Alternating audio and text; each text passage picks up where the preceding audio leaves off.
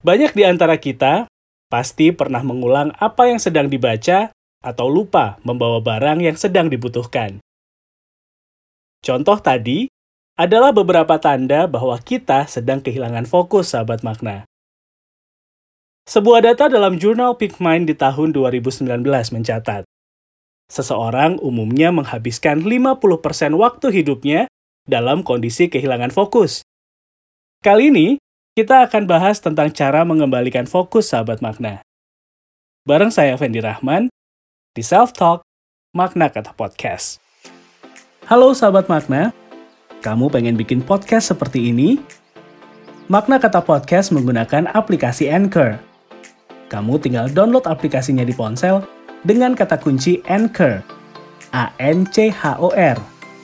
Setelah download aplikasinya, kamu bisa langsung bikin podcast loh Tinggal klik, rekam, mau pakai background juga ada, bisa langsung diedit, dan jadi. Pokoknya semua lengkap, nggak ribet, dan aplikasi ini 100% gratis loh sahabat makna. Nanti secara otomatis, podcast kamu akan didistribusikan sama Anchor ke berbagai platform, seperti Spotify dan platform podcast lainnya. Jadi kalau mau bikin podcast, pakai aplikasi Anchor. Download aplikasinya, rekam, dan bagikan.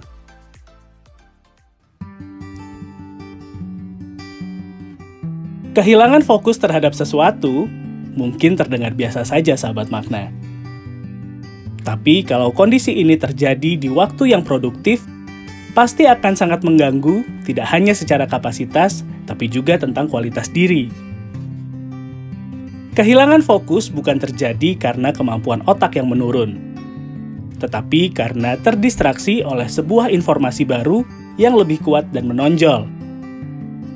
Ada beberapa cara yang bisa kamu lakukan untuk melatih fokus kamu, sahabat makna.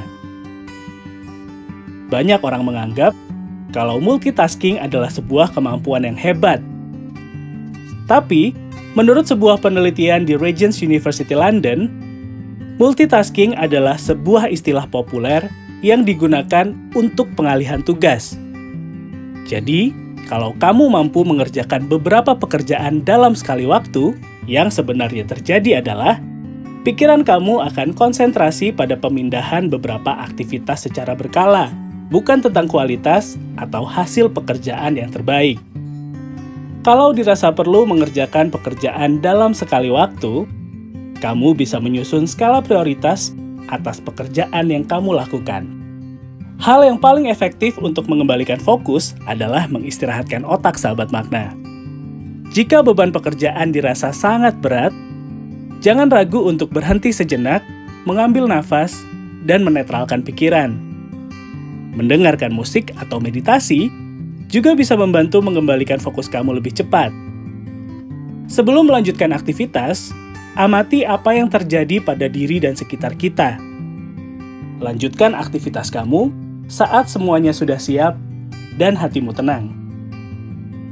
Otak manusia tidak dirancang untuk bebas dari pikiran, sahabat makna. Dipenuhi dengan pikiran yang menumpuk setiap harinya adalah hal yang wajar terjadi dalam kehidupan sehari-hari.